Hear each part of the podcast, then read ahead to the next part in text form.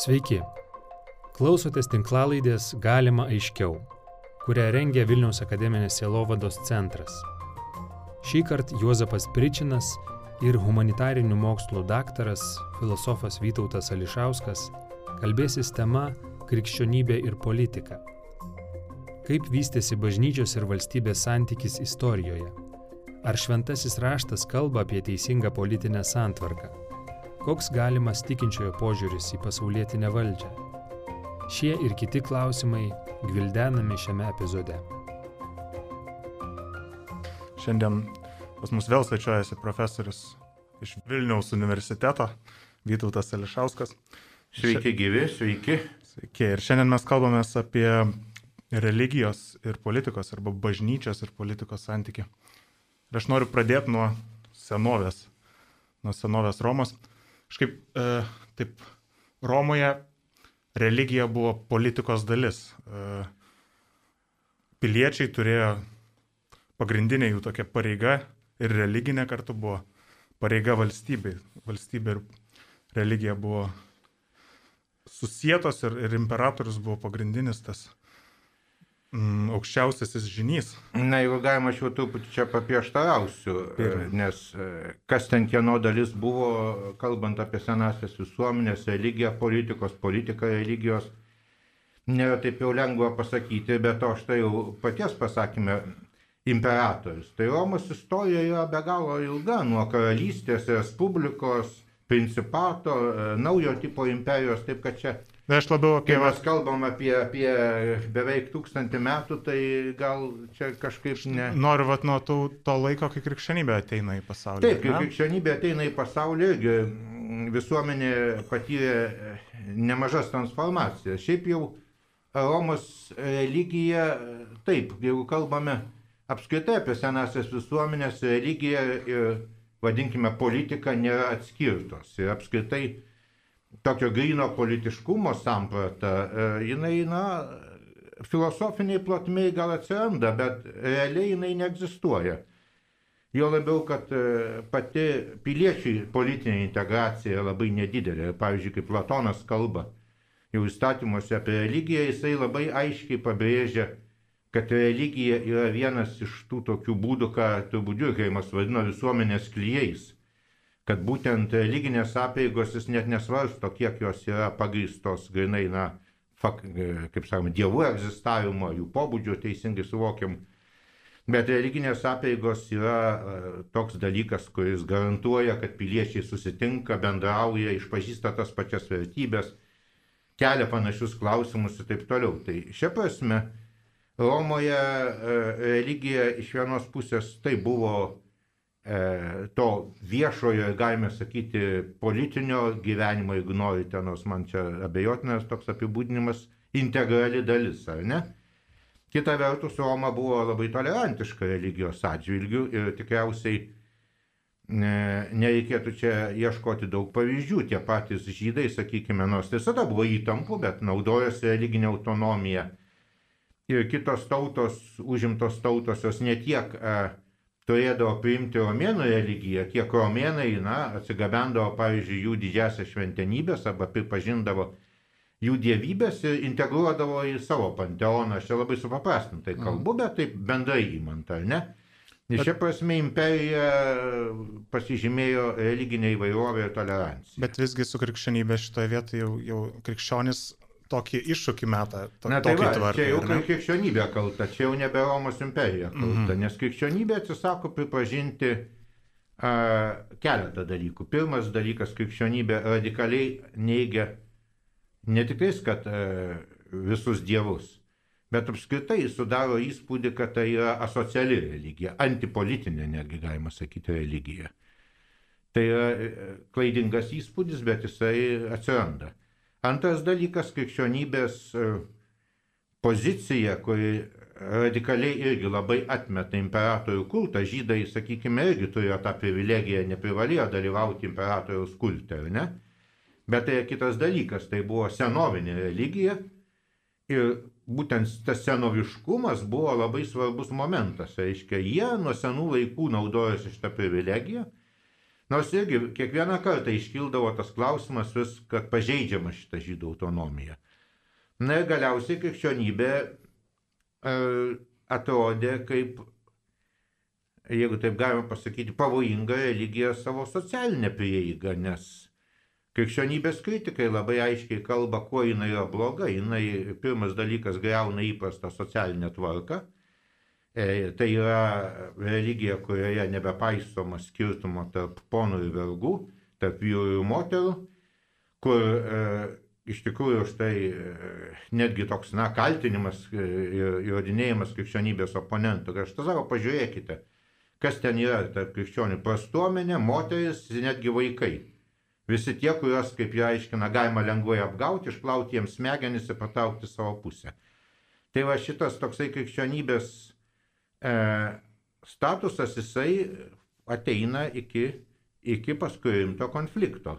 Ir kas įvyksta iš tikro, sakau, kadangi žydai jau turi tą privilegiją jie iš tikro, na, nėra tokia reikšminga grupė. Krikščionybė pradeda aukti, o augant krikščionybei e, randasi problemų ne dėl krikščionybės pirmiausia, bet dėl apskritai e, nepaprastai įsiplėtusios ir sunkiai E, administruojamos Romos imperijos. Ir čia kyla klausimas, e, na, kas gali tą Romos imperiją klyjuoti, laikyti, na ir auga būtent toks savotiškas romėniškas nacionalizmas, ir, kuris didelė dalimi yra susijęs su imperatoriaus genijaus, jo, reiškia, tarsi globėjo ir dvasios globėjos ir daugia paties imperatoriaus šiuo būdu. E, kultų. Ir krikščionys čia labai radikaliai jį atmeta, ne, nebando kažkaip dėrėtis ir taip toliau. Ir šitas konfliktas, jisai paskui išauga, išauga į tikrai didelius 3-4 e, amžiaus e, sandoroje persekiojimus, kurie įgauna, sakykime, tokį sisteminį administracinį pobūdį, nes iki tol krikščionybės ir politinės bendruomenės santykiai buvo, sakyčiau, tokie gan chaotiški. Dažniausiai persekiojimai, kurie kildavo, buvo vietiniai ir kylantis, na, nebūtinai iš administracijos. Netgi žinome, kad administracija romėnų yra bandžiusi, pavyzdžiui, turime to paties Marko Aurelijaus ir Hadriano e, raštus, kuriais stabdomas e, stichinis krikščionių persekiojimas. O čia jau yra kas kita. Čia ateina iš viršaus ir krikščionis vėlgi nėra siekiama sunaikinti krikščionis, siekiama ko kito. Siekiama, kad visi imperijos gyventojai atliktų aukojimus imperatoriui ir šitaip, na, integruotųsi, pajustų savo priklausomą, priklausimą tai milžiniškai imperijai, milžiniškai teritorijai, kuri paskui buvo suskirsta į keturias dalis ir taip toliau. Ir krikščionys šitame visame procese tampa, na, priešais. Nes mhm. jie vieninteliai atmeta šitą reikalavimą. Mhm. O jau vėliau įsitvirtinus ir, ir, ir išaugus krikščionybei, kaip nusistovi tas balansas tarp e, valdžios imperijos ir, ir, ir bažnyčios. Mes žinom, kad e, Nikėjos susirinkime dalyvauja, jį sušaukė imperatorius Konstantinas ir, ir, ir tas Čia šitoje vietoje daug ir filmų, daug samokslo teorijų prikurta, ar ne? Kiek Na, taip, ten jo tas vaidmuo. Filmai ir klėdėsiai yra vienas dalykas, bet istorinė tikrovė yra kitas dalykas. Faktas vienas. Kai krikščionybė pradeda išpažinti imperatorius, kai aukščiausia administracija, didelė jos dalis tampa krikščionimis irgi, kai elitai ima krikščionėti, Maža to reikia pripažinti, kad e, krikščioniškas, krikščioniškasis elitas naujas pasirodo, na, e, gerokai iniciatyvesnis ir kūrybingesnis už e, senąjį pagonišką, kuris irgi dar priešinasi ir bando išlaikyti savo pozicijas, ypač senatorių luomė, ta čia yra naujų tyrimų labai įdomių. Ir štai ši čia imperatorius nemato skirtumo tarp to, kas buvo ir kas yra jeigu kadaise imperatorius buvo atsakingas už Romos oficialų įkultą, ar ne? Taip ir toliau jisai jaučiasi toksai. Beje, neužmiršau, kad Konstantinas tai pasikrikščiojo tik tais jau mirties pataliai. Jisai visą laiką buvo tik tais e, katechumenas. Jisai mm, legendos ten paskui jį visai pankstina. Bet šiaip jisai, e, vėlgi, istorikai dabar kalba apie tai, kad jo atsivertimas tikrai buvo turbūt nuoširdus ir turėjo ir nebejotiną religinį matmenį, Bet šiaip jau jisai žiūri labai paprastai, jis yra, kaip jisai sako, bažnyčios vyskupas, tada tas žodis dar nebuvo toks techninis, išoriniams reikalams. Prievaizdas. Jisai rūpinasi bažnyčia taip, kaip rūpinosi kadaise e, ta oficialiaja religijos dalimi. Bet čia dar va, imperatorius, jisai šaukia susirinkimą. Vadinasi, bažnyčia ir, ir, ir politika yra visiškai glaudžiai dar susijusios. Taip, taip, tai čia o- sakau, čia yra e, e, tiesiog tasa tos romėniškos politikos, kokia buvo. Ir galų gale, kas atsitinka vėlgi e, vėlesnių laikų, štai Au- Augustino e, laikais Afrikoje, kai prasideda kova su donatistais prasideda kova dėl bažnyčių pastatų, pasakykim paprastai. E, vėlgi, vėlgi įtraukiama į e, tą konfliktą valdžia, nes valdžia turi garantuoti nuosavybės teises.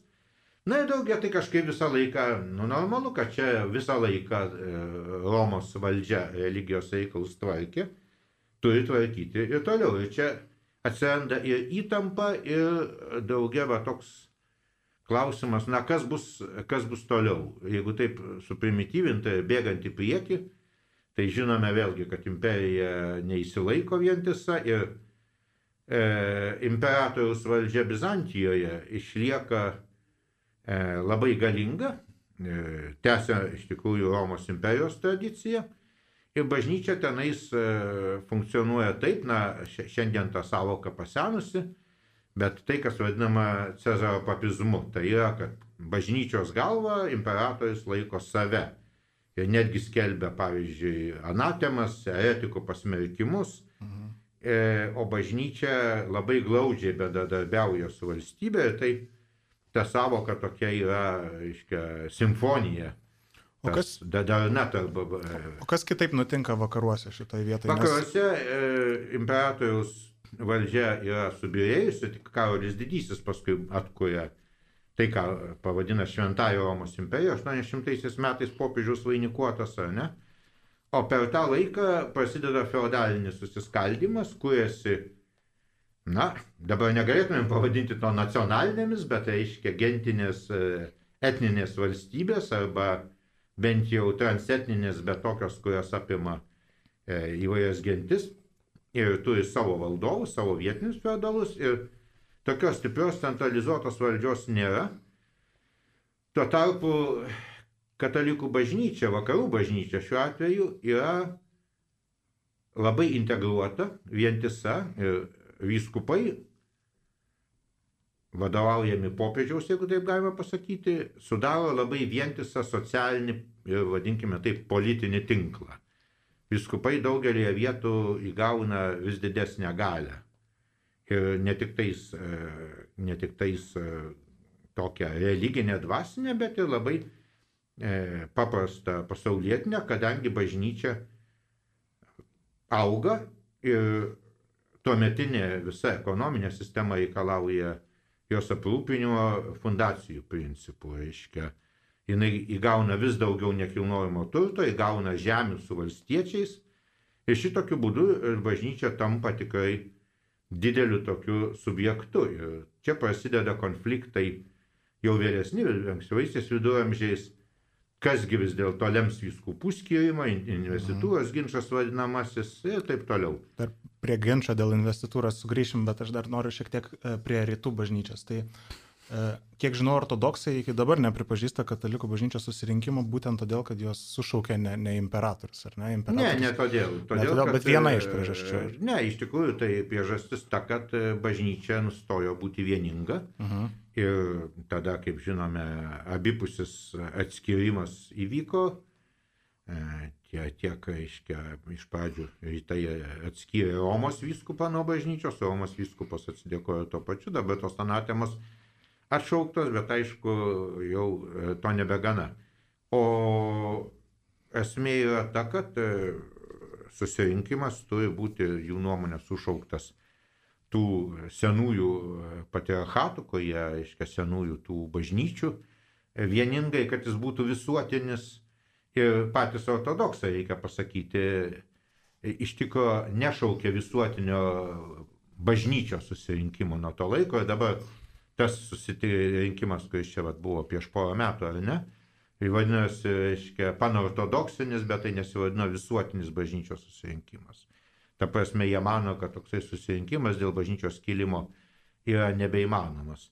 Bet esmė yra ta, kad e, iš tikrųjų Romos vyskupui neturint realios įtakos ir realios e, abipusės, sakykime, to santykio su rytų bažnyčia, ne, jinai tapo nepaprastai lengvai valdžios manipuliuojama. Ir be jokios abejonės bažnyčia visada turi pavojų, e, pagundą imtis įgyvendinti dangaus karalystę žemėje, kas yra didžiausia pagunda, kokia gali būti. Ir visada bažnyčiai gali atrodyti, ypač e, va, tokioje bizantiniai sistemoje, vėliau Rusijos sistemoje, kad e, valdovas, imperatorius, caras, karalius yra va, tas, kas, kas iš tikrųjų pašauktas. Ir čia, bet vėlgi yra tam tikri momentai, kur bažnyčia e, nenusileidžia, sakykime, mes žinome konfliktui su imperatoriais e, Bizantijoje. Bet tai jau čia yra vėl specifinis ir, ir vakarai, kaip suprantu, vieną iš tokių priešnodžių turėjo dviejų kalavijų doktriną. Na, kas, kas, kas tai per daiktas? Na, kaip čia pasakius, vėlgi priešnodis ar nesunku pasakyti. Bet kokiu atveju du kalavijai čia turima galvoj evangelinė scena, tai čia visiškai metafora, kaip Petras sakė, mes viešpatė galim pasipriešinti, štai turim du kalavijus ir Jėzus sako užteks arba gana ką tas žodis reiškia, ar gana čia kalbėti niekus, ar gana dviejų kalavijų. Sunku pasakyti, bet e, alegoriniu ir tokiu metaforiniu aiškinimu tai buvo ta įvaizdis pritaikytas e, dvasiniai valdžiai ir pasaulietiniai valdžiai. Ir tai toks savotiškas e, abipusis e, ir vakaruose e, išplėtotas iš įvairių pusių e, religijos ir politikos, bažnyčios ir valstybės atribojimas, kuris baigėsi galiausiai iš tikro e, ir iš bažnyčios pusės e, abiejų, abiejų plotmių autonomijos, kaip sako, teisin, teisėtos autonomijos pripažinimu arba kaip e, popiežius dar gyvuojantis eremitas Benediktas labai bandė šitą, mažai gal išgirstas buvo plėtoti savoką teisingo sekuliarumo. E, nes valstybė neturi pavirsti religinę instituciją ar prisimti savo religinių funkcijų. Kita vertus, e, bažnyčia irgi neturi reikalauti iš valstybės dalykų, kurie nėra jai būdingi.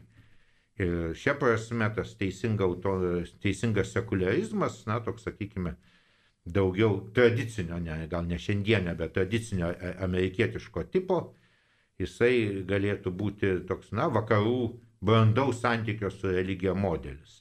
Čia priminsiu tą garsų įskirtumą tarp dviejų sekularizmų. Tai yra prancūziškojo, kurį atnešė prancūzų revoliucija ir kuris iš tikrųjų bažnyčią pastato pavaldžioje pozicijoje, o religiją traktuoja kaip tokį, na, toleruotiną, galbūt neišvengiamą blogį.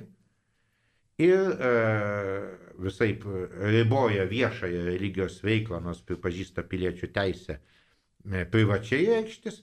Ir tas vat, amerikietiškas, kuris susiformavo labai pluralistinėje, reikia priminti, e, religiškai visuomenėje, ir kur bažnyčios ir valstybės atribojimas buvo skirtas ne tiek e, ir tikrai ne tam, kad religija būtų kaip nors eliminuojama, bet veikiau, kad įvairios religijos, įvairios e, konfesijos, gal taip teisingiau, būtų apsaugotos nuo valstybės. Nuo valstybės e, aktyvios prievartos kišimosi reguliavimo. Tai šia prasme tas amerikietiškas modelis jis yra pagal pradinę intenciją kitoks negu, negu Prancūzijos.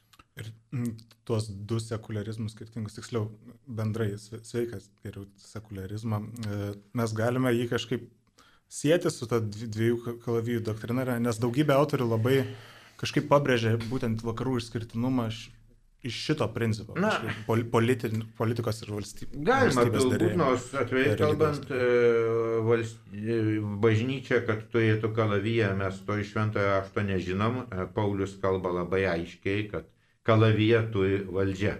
Sako, ne veltui įnešioja kalaviją, ar ne? Tai šia prasme čia toks veikiau vėl buvo dviejų kalavijų doktrina e, skirta apginti ar kartais perspausti bažnyčios savarankiškumui valstybės atžvilgių. Na, bet jinai kartais išaugdavo į gan keistus darinius, pavyzdžiui, viskupų kunigaikščių. Jeigu paimsime Vokietijos istoriją, Šventosios Romos imperijos, rasime ten tokių keistų dalykų, pavyzdžiui, netgi abatų kunigaikščių. Tai yra žmonių, kurie tarsi atsisakė viso pasaulietiško gyvenimo, pasižadėjo neturtoj, skaistybei ir klusnumui, staiga yra tuo pačiu metu ir pasaulietiniai kunigaikščiai, vat kas Pavyzdžiui, kokioje Fuldoje gali pamatyti nepaprastai įspūdingus prašmatnius Benediktino abato kunigaikščio rūmus, ar ne? Arba, pavyzdžiui, vyskupų autonominės teritorijos, jurisdikos ir kai kurių vyskupų, be kita ko Vilniaus vyskupų, herbe, šalia pastoralo matome ir kalavyje. Tai reiškia, kad jisai turi pasaulietinio teisėjo funkcijas. Ir šia prasme irgi savotiškai realizuoja pasaulietinę valdžią. Tai va čia. Bet taip labai rizikinga, aš sakyčiau, iš tiesmukai iš vienų, ypač senų idėjų, kildinti kitas. Be abejo, idėjos sudaro sąlygas kitoms idėjoms rastis, bet jas taip su, e, su, su, sukabinti į, į priežastingumo grandinę nėra taip lengva, kaip kartais atrodo. Nors faina. Mhm. Ir mm, viduramžiais tas, tas santykis toks, irgi jau minėjom, minėjote šiek tiek, viskas kulminavosi konfliktų dėl, dėl investitūros, ar ne? Popiežius Grigalijus ir, ir, ir Henriko IV ir švento, Šventosios Romos imperatoriaus kova dėl to, kas turės galę skirti vyskupus e, ir, ir, ir skirti jiems postus, ar ne? Tai gal galima šiek tiek plačiau apie šitą ginčą, kad ar jis, kuo, kuo jis svarbus. E, e tiesą sakant, čia buvo klausimas e, katalikų šiuo atveju, sakykime, vakarų bažnyčios autonomijos, bet vėlgi e, nereikia taip jo istoriškai supaprastinti. Nepaisant to, kad buvo pripažįstama popiežiaus teisė skirti vyskupus, iš tikrųjų daugelie šalių popiežius tik tais turėjo teisę tvirtinti vyskupus. Jeigu jūs, e, reiškia, vyskupą nominuoja, e, nominuoja valdovas, na, popiežius paprastai klusniai, klusniai patvirtina. Aišku, jisai gali to nepadaryti, bet iš tikrųjų tai yra dalykas, kuris ne, e, nėra toks, kaip čia pasakyti, popiežiui lengvai įvykdomas. Žodžiu, dažniausiai e, realus viskupų skirimas, tame tarpe Lietuvos didžiojoje kunigaikštystėje, mes ten turime didelį konfliktą dėl Vilniaus vyskupo skirimo. E, kas, kas tada įvyksta? Tai iš tikrųjų tai yra dviejų politinių grupių ar net trijų kokių kova, kas bus vyskupas Vilniuje. Ir didžiausias klausimas, ar vadinamasis indigenas, ar, reiškia, Lenkas atėjęs iš Lenkijos.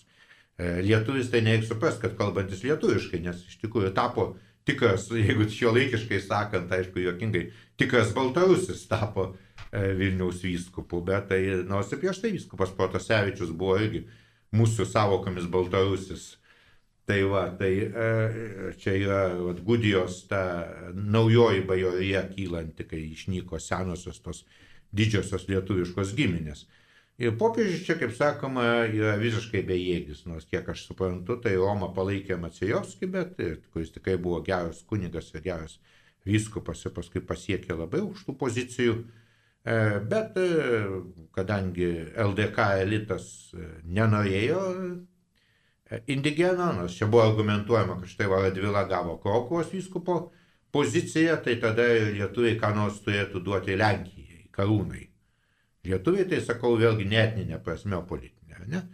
Tai šia prasme e, valdovų teisės ir galimybės e, kištis į bažnyčios administravimą buvo didelės ir tiesą sakant, jos išliko iki, iki pat Vatikano antrojo susirinkimo ir net po jo. Sakykime, Prancūzijos ambasadorė prie Šventojo Sosto dabartinėje, ar ne, yra atskiras etatas, kur paprastai yra kunigas, kadangi išmano dalykus, e, bet jis yra užsienio reikalų ministerijos tarnautojas, kuris skirtas vien tik tam, kad būtų derinama vyskupų kandidatūros tarp e, valstybės ir Šventojo Sosto, tarp Prancūzijos valdžios ir Šventojo Sosto. Tai skamba, aišku, gan keistai, žinant, kad dar neseniai buvo vartojama formulė, kad bažnyčia atskirta nuo valstybės. Bet pagal napoleonišką konkordatą valstybė turi teisę vetuoti viskupų kandidatūras ir mm, nežinau, ar naudojasi, nes tai vyksta konfidencialiai, iškia, nie, niekada neinama į viešą konfliktą, bet, kaip jau sakiau, tai, kad yra netgi toksai atskiras pareigūnas ambasadoje Prancūzijos, rodo, kad ir Lietuvoje bažnyčios laisvė tikra, bet aš atsimenu, čia buvo konferencija, konferencija e, skirta konkordatui to jubiliejui čia prieš kiek metų. Arkivyskupas Toran, kardinolas, irgi pasakė, pripažino tą patį, kai, ką, kai kas iš pranešėjų sakė, kad tikrai laisva bažnyčia tapo tik tais nepriklausomoje Lietuvoje. Jeigu paimsime prieš karinį konkordatą, tai pamatysime, kad bažnyčia tikrai neturi pilnos veikimo laisvės.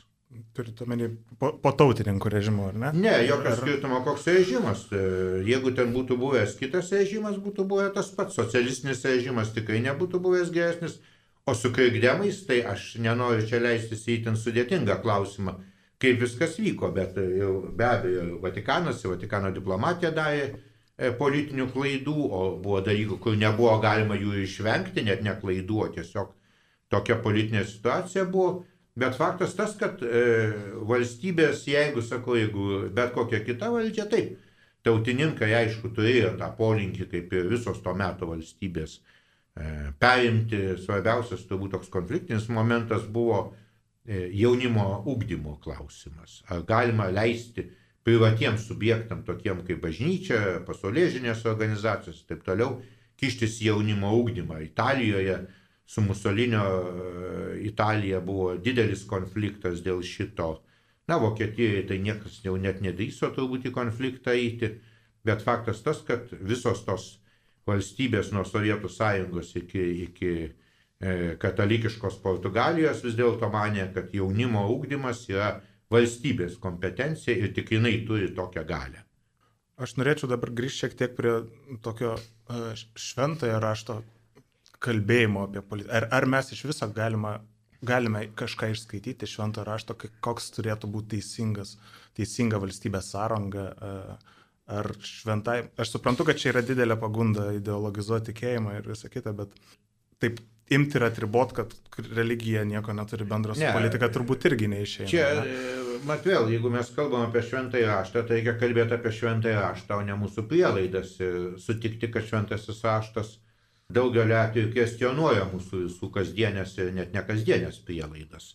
Mhm. Ir jeigu vėlgi mes imame jį kaip visumą skaitam, tai ten yra labai įdomių dalykų. Pirmas dalykas e, - politinės valdžios deabsolutizacija.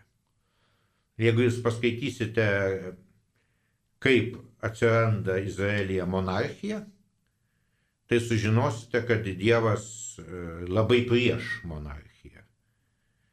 Ir argumentai yra ne religiniai, o grinai politiniai. Kokie?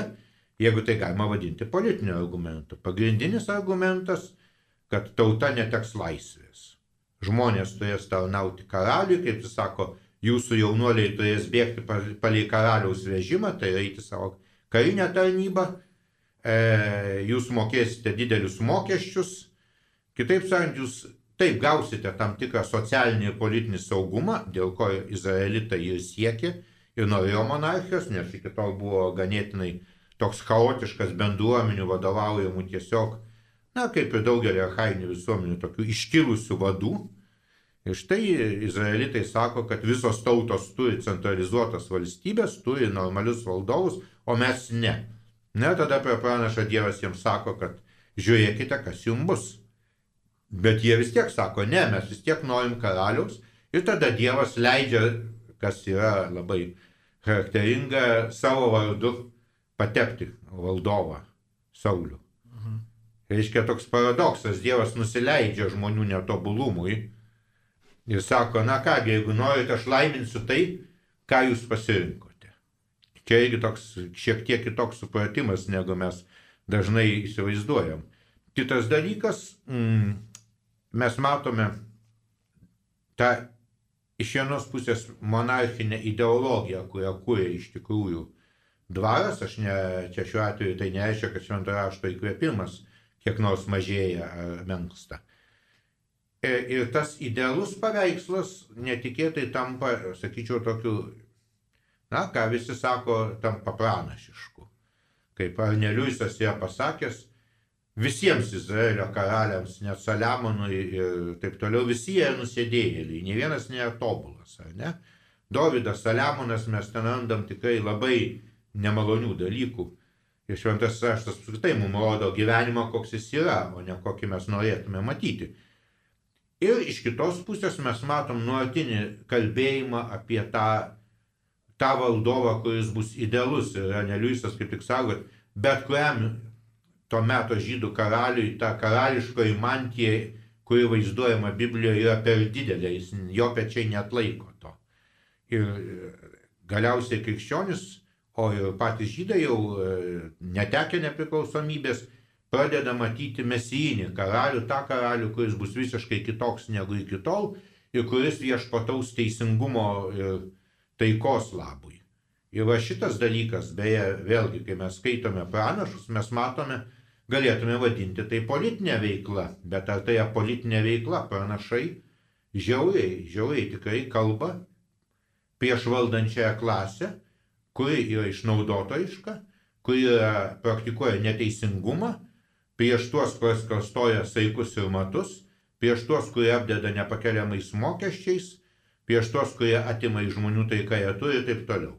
Ir tai yra nepaprastai kieta, ir mes žinome netgi tam tikros paskui įsivadavimo teologijos, e, netgi tai naudoja tą retoriką ir savo kalbėjime, nors dažnai ją, ne kiekviena įsivadavimo teologija, kaip žinome, yra bloga, bet e, visoms jiems jie pavojus būtent vėlgi instrumentalizuoti religiją, na bet tai čia jau kita tema vėl visiškai atskira.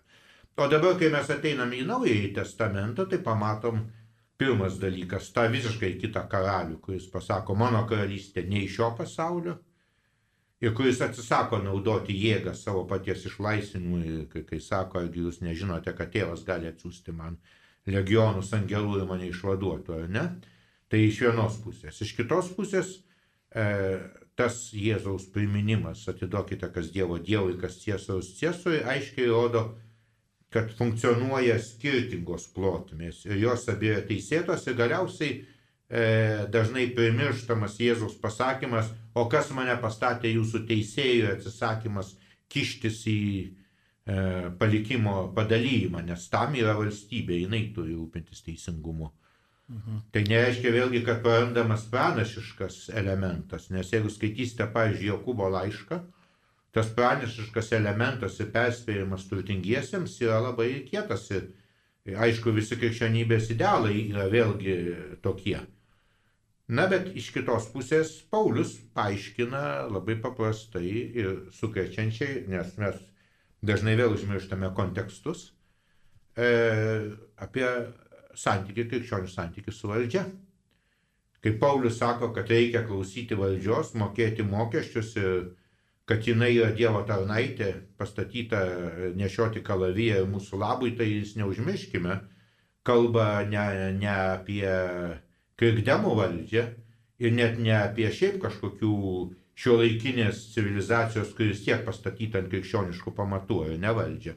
Jis kalba apie Romos imperijos valdžią, kuri yra tikrai nekrikščioniška ir, na, sakykime, tada ji dar nebuvo atvirai priešiška krikščionybė, bet, na, nebuvo jokio pagrindo manyti, kad jinai labai palanki.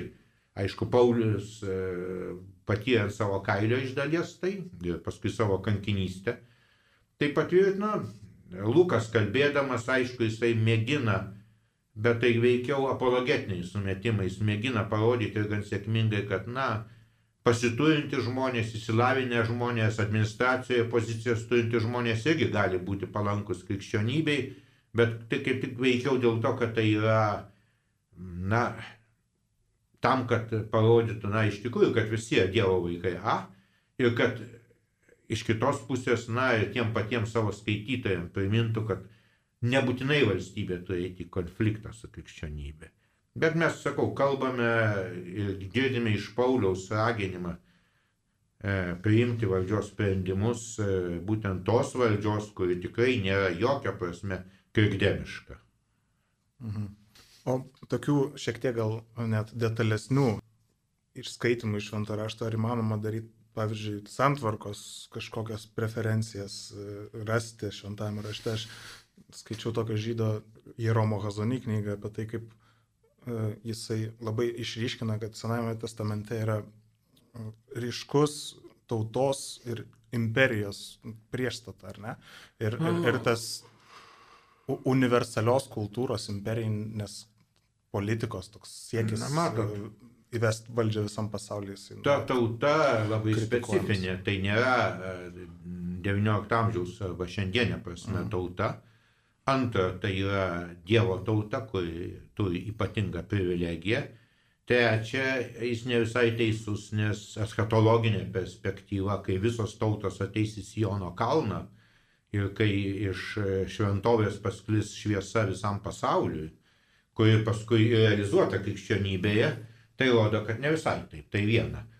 Antra, tai e, aišku, kad pranašų kalbėjimas vis dėlto atspindi labai konkrečias realias istorinės situacijas E, tai yra tų didžiųjų, didžiųjų artimųjų rytų e, galybių, kurios okupavo ir, ir, ir šventąją žemę, žinome, Babilonijos tremtį ir visą kitą.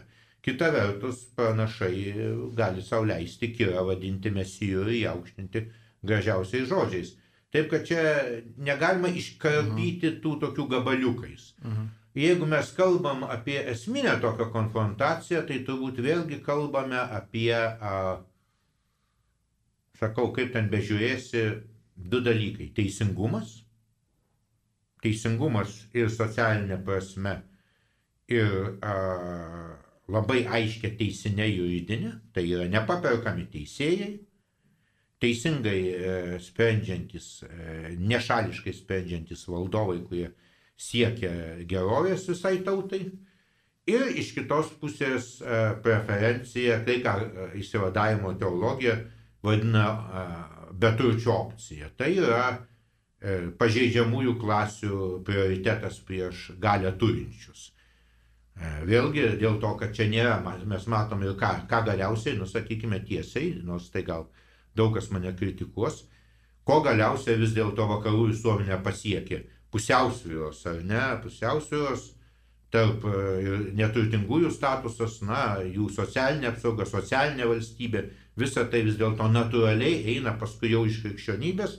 Ir čia va, pasakysiu truputį į šoną, bet e, žinom tą, reiškia, pagoniškos reakcijos momentą, kai Julijonas Atskalūnas, reiškia, vadinamasis krikščionių taip, imperatorius Julijonas po Konstantino bando sugražinti pagonybę. Vėl ir pagal bažnyčios modelį bando sukonstruoti tokią jau stiprią pagonybę, reiškia, administruojamą iš imperijos ir taip toliau.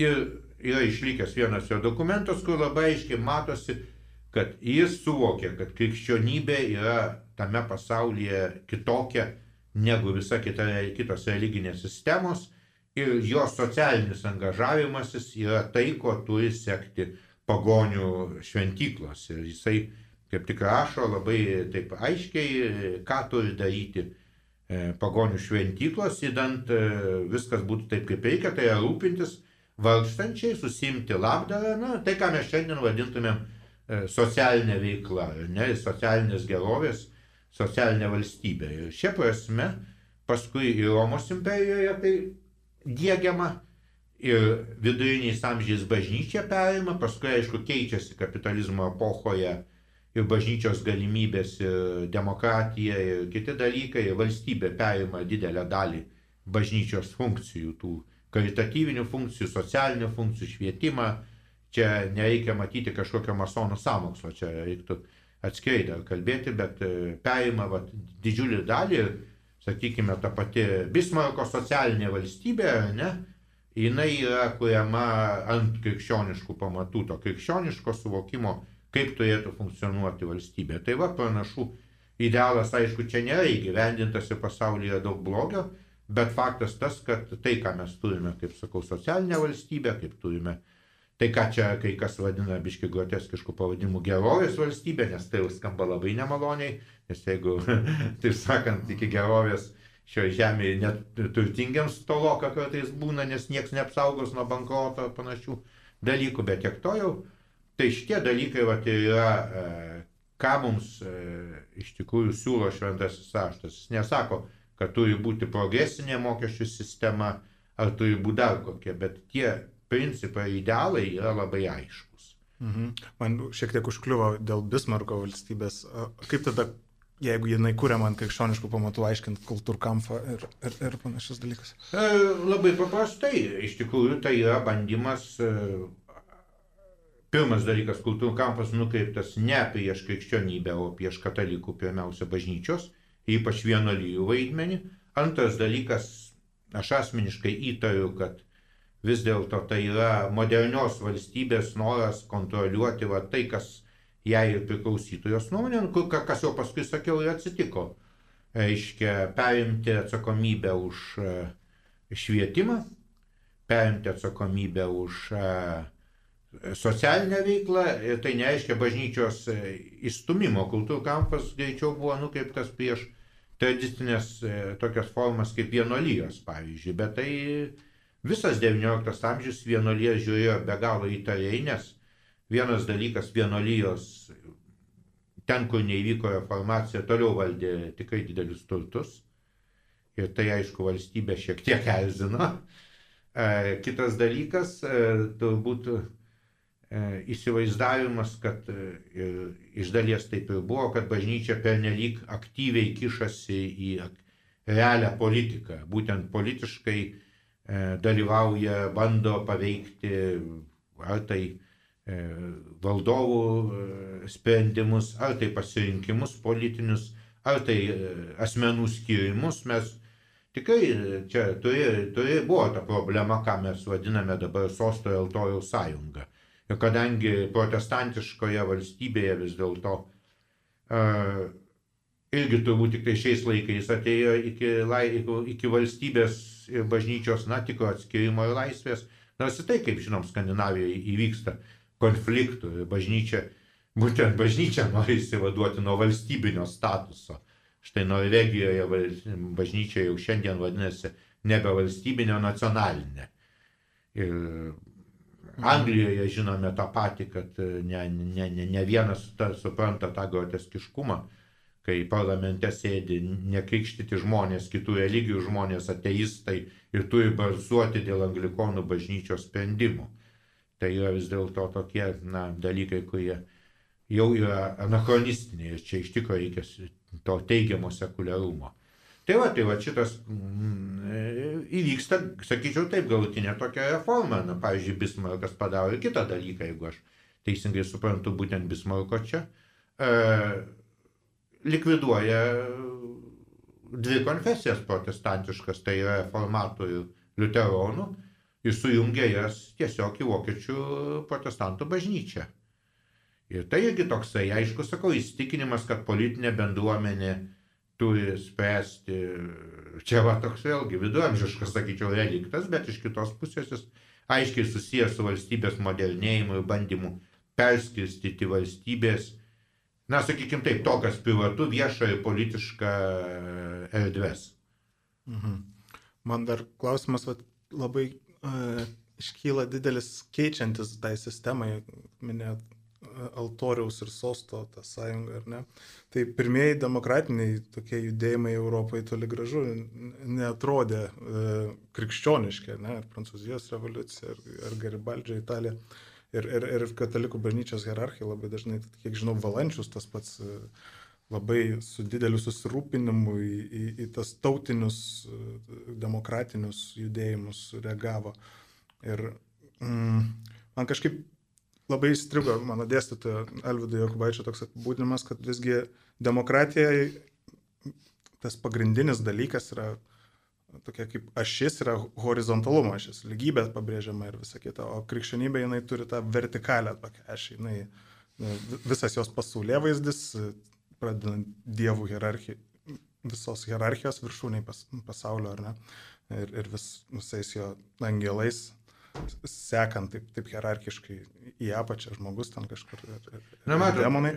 O uh, Suprantu, ką norit pasakyti, bet čia tokia nedidelė gal loginė problema yra. Kai šitai formuluojamas klausimas, tai trupučiuką, jeigu aš ateičiau į restoraną ir užsakyčiau kepsnio, jūs sakytumėte, turime labai gerų batų.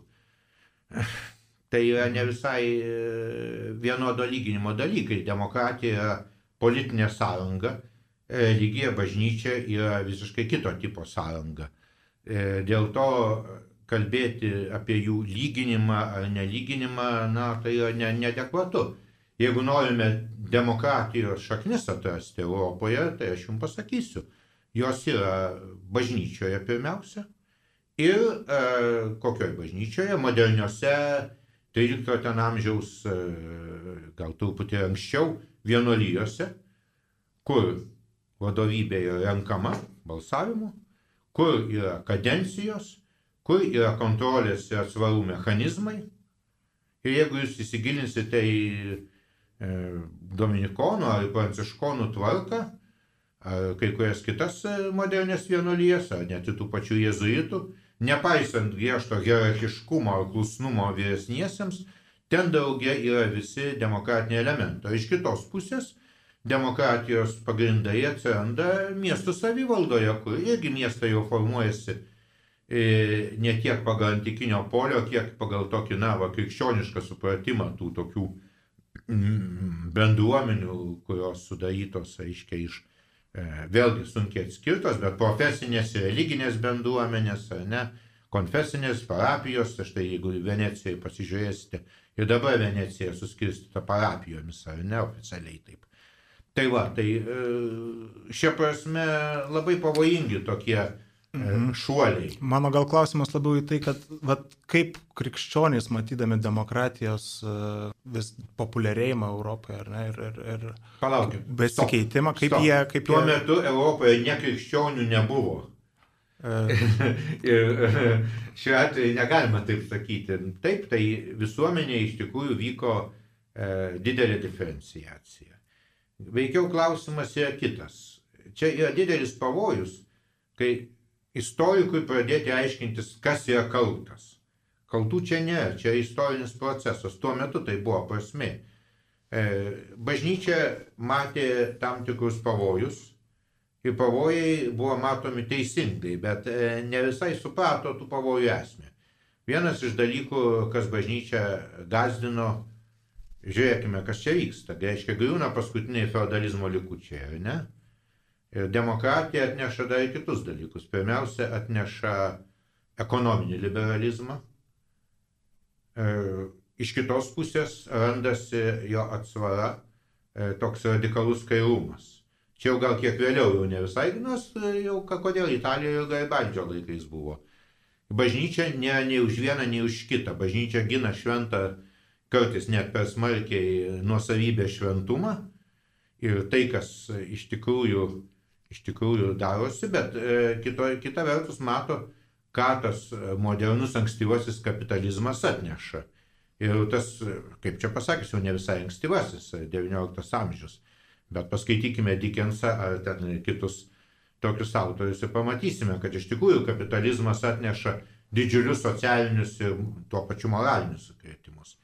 Antras dalykas, e, kaip jau sakiau, bažnyčios įsijautimas į nesugebėjimą suprasti, kad jau naujaisiais laikais religija ir politika nebėra e, tas pats, kas viduriniais amžiais, ar ne? Ir dėl įvairių priežasčių čia mes negalim dabar istorijos paskaitų skaityti. E, bet bažnyčia iš tikrųjų, kaip konservatyvi e, institucija, labai sunkiai, labai sunkiai priima tuos pokyčius. Sekularizacija, kuri vyksta, jinai vyksta tai ne dėl to, kad masonai susimokė Prancūzijoje, dėl to, kad jie, jiem nepatiko krikščionybė, nes galbūt krikščionybė jiem nedavė reikiamos seksualinės laisvės. Tai seksualinė laisvė klestėjo visais laikais, tik tais ne visada ji buvo tokia labai legali. Bet e, iš tikrųjų tai klausimas kitas. Ta pati masonerija atsiranda, kuriai priskiriama veikla prancūzų revoliucijoje, neatsiranda kaip apšvietos produktas, o apšvieta vėlgi randasi iš ko. Na, nieko nepasakysi. Pirmas dalykas - iš tikėjimo mokslo progresu ir tai labai akivaizdu, kas vyksta tuo metu. Didžiulis technologinė, techninė revoliucija, didžiulė mokslinė revoliucija, atsiranda mokslinis metodas. E, humanitariniuose moksluose galutinai įsitvirtina kritiniai metodai, kuriuos beje kūrė lygiai taip pat e, katalikai istorikai, ne tik tais protestantai. Čia irgi nereikia pasiduoti tokiai iliuzijai. Ir, ir visą šitą apšvietos modelį mes, na, matom vėlgi, kas vyksta. Vyksta tas vadinamas apšviestasis absolutizmas. Kitaip sakant, koncentracija ir valstybinės valdžios, ar ne, ir jos, na, vadinkime, biurokratėjimas, ar ne, Prancūzijoje tas, kas iš dalies ir sprogdino beje monarchiją, prekiavimas pareigybėmis ir visa kita. Bet iš tikrųjų randas, na, kitas dalykas, to vadinamo trečiojo luomo ateimas, ar ne, kuris turi ir nori savo politinių teisų. Jeigu Anglijoje tai vyksta anksčiau ir galbūt dėl to Anglijoje neįvyksta tokių drastiškų revoliucijų kaip Italijoje arba, arba Prancūzijoje, tai vis dėlto čia, nu, trečiasis luomas, aišku, jis gali vėlgi įgauti tam tikras teises, kas vyko vadinamoje aksominėje revoliucijoje Lenkijos Lietuvos Respublikoje.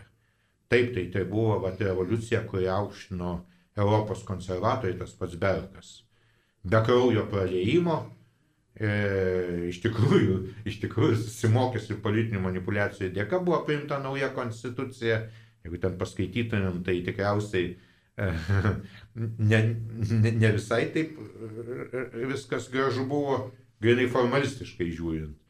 Bet ta vat, pažangiausia, viena pažangiausių tokių kompleksų e, teisinių Bet tai šitie dalykai, jie, aišku, bažnyčia neranda savo, savo situacijos. Per, aplinka per greitai keičiasi. Ir pačioj bažnyčioje atsiranda įtampų. Na, o tada dar, žinoma, prie visko prisideda, sakau, stiprėjanti biurokratinė valstybė, kuriai bažnyčios per didelis aktyvumas švietimo ir labdaros rytise nėra priimtinas. Vienur, sakykime, gerai, kultūrų kampas gan vėlyvas dalykas, bet žiūrėkime, kas vyksta Jėzuitai likviduojami 18 amžiaus gale, švietimą faktiškai perima valstybė, bet kaip perima? E, bažnyčia yra įpareigota laikyti parapinės mokyklas. Čia aš apskritai Lietuvoje tas pats yra, bet apskritai imkime. Bet iš kitos pusės reiškia, daug kur, sakykime, vėlgi carinė Rusija, ne, atimamas e, bažnyčios turtas, katalikų, ne? Šiuo atveju, nes ortodoksų bažnyčia jau seniai yra valdiška. Ir kas vyksta? Kunigam mokamos algos, reikia pasakyti, labai neblogos. Vyskupai yra prilyginami savo rango Rusijos imperijos ministrams. Pažiūrėkite, e, tas pats Valančius sėdi su ordinu, Baranauskas, sako, kategoriškai atsisakė e, nešioti ordinus. O šiaip visa tai yra visiškai, sakau, naujas pasaulis. Ir čia vyksta, vyksta toks iš kitos pusės, reiškia, italų nacionalizmas pakyla, kuris mato naują Italiją visiškai kitaip. Vėlgi trečiasis luomas, vėlgi pramoninė Šiaurės Italija. Ir tada ką, ką mes matom, tai galų galę pažiūrėkim tą patį filmą ir Gatopardo, negarsų Viskončio, kuris perteikia, perteikia tą dvasę.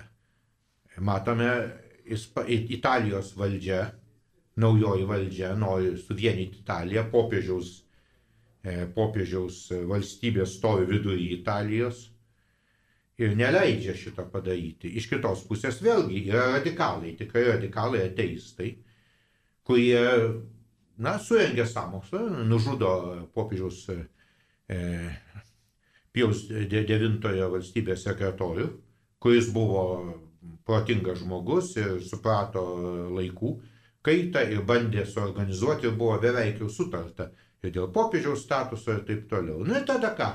Užimama Roma, popiežius susidaro Vatikane, visos pažangios idėjos, kurios popiežių netgi jaunystėje žavėjo, yra atmetamos, jisai atskiria nuo bažnyčios naująją Italiją, visą elitą Italijos, valdžią. Na ir galų gale buržuazija valdo antikrikščioniškai nusiteikusi. O kada vat, e, bažnyčiai toks prasidėjo demokratijos, krikščioniškos demokratijos toks jau tikras sužydėjimas, kai, kai daug, dauguma, sakyčiau, nu, katalikų, gal visų pirma, ar ne? E, taip, čia yra e, geras klausimas, vėlgi turbūt negalima sakyti, kad tai yra vien, na, žinoma, tai e, Rerum Novarum jau padėjo pagrindus tam. E, Vokietijoje, jeigu, jeigu jūs skaitysite įdėmiai Engelso, o iš dalies ir Markso raštus, pamatysite, kad didžiausi jų priešai yra socialiai angažuoti katalikai, kurie rūpinasi darbininkų padėtimis, tengiasi kurti krikščioniškas katalikiškas profsąjungas ir taip toliau. Bet bažnyčios hierarchija, konservatyvi ir dažnai susijusi vėlgi su ta aristokratija, su žemvaldžiais, yra gan priešiška. Ir jeigu kas dar įdomu, va, pavyzdžiui, tas pats mūsų palaimintasis Jurgis Matulaitis, ar ne, kuris prieš pirmąjį karą irgi įsileido į aktyvę tokią, na, vadinkime, tos krikščioniškosios demokratijos e, socialinę veiklą, tai net Vatikane kai kurių buvo traktuojamas kaip pavojingas komunistas, kurį reikia represuoti. Tik vis tiek, kad paskui jau jis turėjo dėl asmeninių pažinčių tik tikrą popiežiaus pasitikėjimą ir čia, čia buvo jau paprasčiau viskas. Bet e, iš esmės, iš esmės prieš pirmąjį, reiškia, sakykime taip, kažkur, kažkur taip dešimtmetis prieš pirmąjį pasaulinį karą, Vokietijoje formuoja centro partiją, jinai dar jau anksčiau atsiranda, bet tampa tikrai didelė politinė jėga, kuri paskui yra tokia, na, jau krikdemiška. Bet e, šiaip jau ta tikra krikdemiška valstybė ir tas toks, na, idealas, kaip jį pavadinti, iš tikrųjų atsiranda pokario metais, kai ateina jauna antifašistų, sakyčiau, karta, bent jau mano čia tokia vizija yra E, tiek Italijoje, tiek Vokietijoje tie senieji politikai yra susikompromitavę visi, jie vis tiek vienaip ar kitaip. Ir netgi vadinkime taip neteisingas žodis, bet ta, tie liberalieji politikai, ne ta liberalioji valdžia, kuri nesugebėjo užkirsti arba konservatyvioji, užkirsti kelio fašizmui, nacionalizmui, nacizmui. O ateina kaip tik ta, tie antifašistai, kurie iš vienos pusės žinoma labai kairieji tokie, ne, bet iš kitos pusės va, tai, kas vadintume e, krikščionimis demokratais. Na ir jie iš tikrųjų kūrė tą Europą. O sakykit, kaip jūsų nuomonė, e, ar reikėjo stipriai pakeisti politinę teoriją ir kaip tai vyko e, krikščioniška politinė teorija, turiuomenį. Ar tai labiau išprovokavo reali, reali kaita istorinė Europos, ar ne? Ir, ir tas matymas, kad demokratija kaip ir eina per visur neišvengiamai, ar, ar tai labiau pats demokratijos procesas prieš tai jau buvo katalikų mąstytojų kažkaip. Na, tai kaip sakiau, pačios demokratijos idėjos ne, ne, nebuvo e, daugeliu kažkokios itin svetimus. Jau, kaip minėjau, iš tikrųjų, jeigu ieškome tos brandos, tai ša, sėklos yra e, vienolyjų ir miestų savivaldoje. Iš kitos pusės, žinoma, žemės žemėvalda paremta visuomenė, jinai demokratijai nėra labai artima, kaip suprantam. Latifundijų savininkai niekada nėra dideli demokratai, jau vien dėl to, kad, kaip sako Aristotelis, panašus, reiškia, yra su panašiais, nepanašus su nepanašiais. Tai šia prasme jie mato lygybę tarp, e, su kitais latifundijų savininkais, bet ne su savo valstiečiais, nesvarbu, ar jie laisvėja ar ne. E, čia aš truputį suprimityvinu be abejo, bet tai čia mūsų žanras toksai. Tai va, tai tikroji, iš tikrųjų, tikrasis pokytis įvyksta, kad ir kaip paradoksaliai skambėtų, turbūt mano nuomonė, mano nuomonė įvyksta po pirmojo pasaulinio karo. Atsitinka keletas dalykų Europoje. Aš čia vis kalbu apie Europą, žinoma. Bet tai turbūt svarbiausia, vis tiek ten politinė mintis Amerikoje visai kitų kelių eina. E, Europoje atsitinka keletas dalykų. Pirmas dalykas e, - Prancūzijoje e, sumažėja priešiškumas krikščionybei ir bažnyčiai. Dėl įvairių priežasčių. Iš dalies dėl to, kad karas reikalavo sutelkti tautą, kaip suprantam. Ir visi lygiai stojo į frontą, ir katalikai, ir masonai, ir E, socialistai ir tada kažkaip, na, nebegalėjau sakyti, kad štai yra kažkokia grupė žmonių, kuri yra priešiška Prancūzijos valstybėje, ar ne? Čia irgi labai supaprastintai. Italijoje ateina su, kad ir kaip tai keistai skambėtų, bet su fašistais ateina na, liaudės valdžios idėja. Vis tiek tai yra iš kairiųjų išaugęs judėjimas. Ir ankstyvasis itališkas fašizmas, tai tengi buvo daugybė žydų intelektualų ir visko, ko tik jis nori. Ir ta fašistinė Italija nebegali gyventi taip, kaip gyveno buržuazinė, reiškia, elito valdoma Italija, jinai turi spręsti santykius su bažnyčia kažkaip. Nes liaudis jau nebėra, taip, kaip čia pasakyti, nustumta į pašalės, bent jau ideologijoje ankstyvojoje. Ir, aišku, irgi siekiama, siekiama jo labiau, kad Pijus XI labai atvirai irgi nori išspręsti pagaliau santykius su naujų pasauliu. Tai Vokietijoje Veimaro Respublika yra, tiesą sakant, sakau, ten jau katalikai kadangi vėl Vokietija labai pluralistinė, tai kai kuriuose žemėse katalikai ir taip, ten kokioje Bavarijoje visada bažnyčia turėjo reikšmę. Na galų galia yra vienas dalykas, kuris e, gali demokratija patikti ar nepatikti, bet tik demokratija kalba apie teisės visiems. Ir šiuo atveju bažnyčia staiga įgauna demokratijai, tai po pirmojo karo bręstant įgauna tikrai daug daugiau laisvių ir teisų ir pamato, kad gal tai nėra taip blogai. Ir formuojama, aišku, čia jau iš senų laikų perimama, bet, bet 20 amžiaus pradžioje labai aiškiai pradedama kalbėti apie dviejų tobulų bendruomenių teoriją. Tai yra bažnyčios kaip užbaigtos vientisos bendruomenės ir valstybės kaip užbaigtos vientisos bendruomenės, kurios gali pasiekti e, santarę. Iš čia yra konkordato idėjas.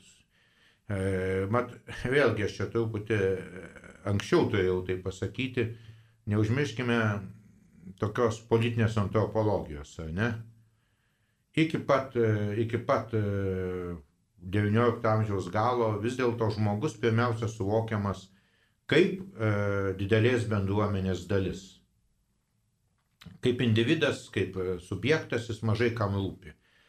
E, net ir galų gale buržuazinė, sąmoningai šitą žodį vartoju, buržuazinė demokratija, ne, jinai labai diferencijuoja žmonės, nu neužmirškim, netgi, pavyzdžiui, turto cenzas e, rinkimuose, visokie kitokie dalykai. Ir stiprėjanti biurokratinė valstybė, jinai kelia klausimą apie žmogaus lojalumą. Ir paskui sakau, ta pati problema atsiranda tokiuose minkštuose režimuose kaip Lietuva. Reiškia, tu kam pavaldus? Popiežiui ar parlamentui? Karaliui ar parlamentui? Tai žmogus suvokiamas pirmiausia kaip valdinys. Ir va šitas dviejų tobulų kūnų, tų dviejų tobulų bendruomenių teorija lei, tarsi leidžia kažkaip tom dviem bendruomenėm per tų subjektų galvą, sakykime tiesiai, susitarti, ar ne? Pavyzdžiui, valstybė sako, okei, okay, mes leisime visiems katalikams sekmadieniais eiti į bažnyčią, ne tik eiti į bažnyčią, bet ir nedirbti. Aha, norite dar antrą kalėdų dieną, gerai. O bet už tai mes e, turime veto teisę, pavyzdžiui, skiriant vyskupus arba steigiant naujas vienuolijas. Na ir taip toliau. E, o tikrasis lūžis įvyksta sakyčiau, realus po Vatikano antrojo susirinkimo, kai keičiasi ne tik tokia politinė antropologija visoje Europoje, bet ir demokratijos paveikta, bet ir apskritai teologinis žmogus matymas, e, tai ką vadiname krikščioniškojo personalizmu. Kad ir bažnyčios, ir valstybės tikslas yra vienas - žmogus kaip integrali būtybė, tik tai skirtingais aspektais, skirtingose plotmėse. Kitaip sakant, ne bažnyčiai žmogus tarnauja ir ne valstybė, o valstybė ir bažnyčia. Vat Jonas Paulius II savo garsioje pirmoje enciklikoje yra pasakęs, bažnyčios kelias yra žmogus. Tai yra, kitaip sakant, bažnyčia yra skirta mūsų išganimo, o ne mes bažnyčios išganimo, jeigu taip galima pasakyti.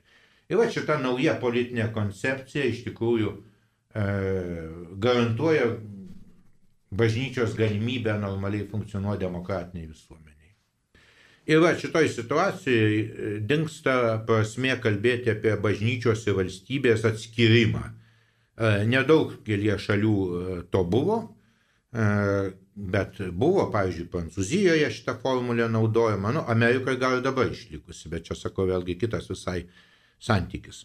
O lygiai taip pat netenka prasmės ir tas toksai, na, bažnyčios valstybinimas. Jeigu mes taip matome situaciją, tai be jokios abejonės e, kiekviena bendruomenė tarnauja savaip. Tai yra skirtingos plotmės, o tos plotmės, kur susiliečia, tai atvirkščiai reiškia klausimas ne konkurencijos, bet bendradarbiavimo. Ir, sakykime, e, jau nuo Jono Pauliaus II, gal net nuo truputį ankstesnių, nuo Pauliaus VI laikų, vis retesnis arba beveik nebepasitaikantis žanras, išskyrus va, susitarimo, išskyrus gal su Lenkija, va, e, yra konkordatas. Iš tikrųjų dabar bažnyčioje dominuoja vadinamieji susitarimai, agreements. Arba kuriuose irgi turi beje tą patį tarptautinės sutarties e, statusą, ir, bet visos štai naujosios e, valstybės arba sakykime, tos valstybės e, Vokietijos dalys, kurios e, turėjo, aiškiai, e, įsivadavusiai nuo komunizmo Vokietijoje pasirašė tokias sutartis ir dabar. Ir jų pagrindinė idėja yra ta, atskiros sritis yra apsaugomos nuo įsikišimo, o sritis, kur yra prasme ir reikalas, tai yra socialinės sritis, švietimo sritis, kultūros sritis, Ten yra abipusis bendradarbiavimas, nevaržant vienas kito autonomijos ir autentiškumo.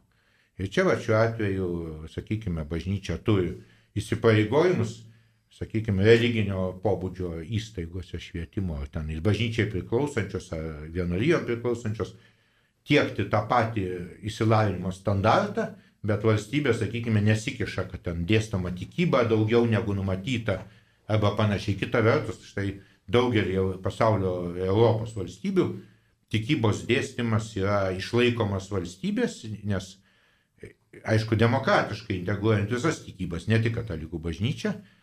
Ir, e, bet bažnyčia išsaugo dėstymo turinio teisę. Kitaip sakant, štai e, valstybė tikyba, katalikų tikyba šiuo atveju turiu galvoj, leidžia dėstyti asmenims, kurie gauna tą vadinamą vienyje legendį, bažnyčios nukreipimą dėstyti. Na, kita vertus, aišku, bažnyčia vengia tiesiogiai kištis į e, tokius dalykus kaip politinių asmenų, e, veikėjų parinkimą, partijų palaikymą vienu ar kitų, arba bandymą tiesiogiai kažkaip, na, nežinau, čia vėlgi problema būtų ką daryti, bet tai yra daugiau jo asmenų problema negu, negu politikos, kai koks nors e, politikas, na, yra gan priešiškas e, kai kurioms bažnyčios tezėms, čia e, daugiau gyvybės apsaugą liečia, bet kita vertus laiko save kataliku ir kadangi yra vieša figūra, visada labai matosi, kas čia vyksta, ne? Amerikoje dabar yra net tarp viskupų gan stipri įtampa ir konfliktas, ką daryti su prezidentu Bidenu. Na, šiaip jau Vašingtono, aiškiai, arkivyskupas naujasis pasakė lygiai taip pat, kad Bidenas pagal tai, ką jisai kalba, nes jis pripažįsta katalikų bažnyčios mokymą dėl mm, gyvybės apsaugos, čia nereikia vėlgi pasiduoti propagandiniams e, teiginiams, ten viskas yra daug sudėtingiau. Todėl jis mano, kad Bidenas kaip iki šiol gali gauti visus sakramentus. E, šiuo... Tai kurioje vietoje tai čia tas uh, ginčas e, pripažįsta, bet... Aš bijau, kažkas, aš bijau e, ką nors kalbėti, nes ten viskas yra taip painu, e, kad... Mhm. Aš kaip suprantu, didysis klausimas yra, ar valstybė, bet aš čia bijau ką nors klaidinti, ar valstybė Amerikoje įsipareigoja, socialinis draudimas įsipareigoja dengti abortus, abortų išlaidas. Tai jeigu aš teisingai suprantu. E, kita vertus, e, kita vertus, kaip mes matom, ten yra tokių visokiausių programų, kurias galbūt galima vetuoti prezidentui. Ten, e, reiškia, čia matom vėl, nėra lengvas klausimas, Maltos ordinė buvo bandoma perversmą padaryti prisidengus labai komplikuotų klausimų, reiškia, ar galima dalyvauti programoje, kuri tuo pačiu medicininėje programoje trečiojo pasaulio šalise, kur, reiškia, kitos, kiti subjektai, kitos šalis tuo pat metu teikia kontraceptinę informaciją arba kontraceptikus. Aš nesu teologas ir šitoje diskusijoje neketinu čia dabar dalyvauti, bet, bet tai tikrai nėra lengvas ir paprastas klausimas, nes vėlgi kyla klausimas, kaip, kokiu laipsniu, kokiu statusu ir visa kita. E, tai va, tai e, šia prasme esmė tai, kad aš, aiškiai, pats esu e, radęs ir girdėjęs Baideno žodžius, kad jisai tiesiogiai pripažįsta visą apimtimi katalikų bažnyčios mokymą šio klausimu, bet jisai e, turi vėlgi kaip e, pareigūnas valstybės atlikti tam tikrus dalykus. Čia yra, vėl priminsiu, netgi ta pati Trumpo paskirtoji teisėja, dauguma aišku nutilėjo šitą dalyką savo kalboje, aukščiausiojo teismo teisėja pasakė labai aiškiai. Aš turiu savo, čia laisva citata, bet esmė jos tokia. Aš turiu savo asmeninius įsitikinimus, savo vertybės ir požiūrius, bet valstybės įstatymai man yra aukščiau, jo konstitucija Amerikos. Tai nereiškia, kad jinai ne, neskaitys jų iš savo įstikinimų perspektyvos be abejonės, bet tai jau sakau, bet kai mes ateinam į Ameriką, ten viskas tiek painu, kad aš bijau ką nors kalbėti. Ačiū, kad klausėtės. Šį kartą Juozapas Pričinas kalbino profesorių Vytautą Lišauską. Kviečiame klausytis ir kitų, galima aiškiau epizodų tinklalaidžių platformose. Sudie.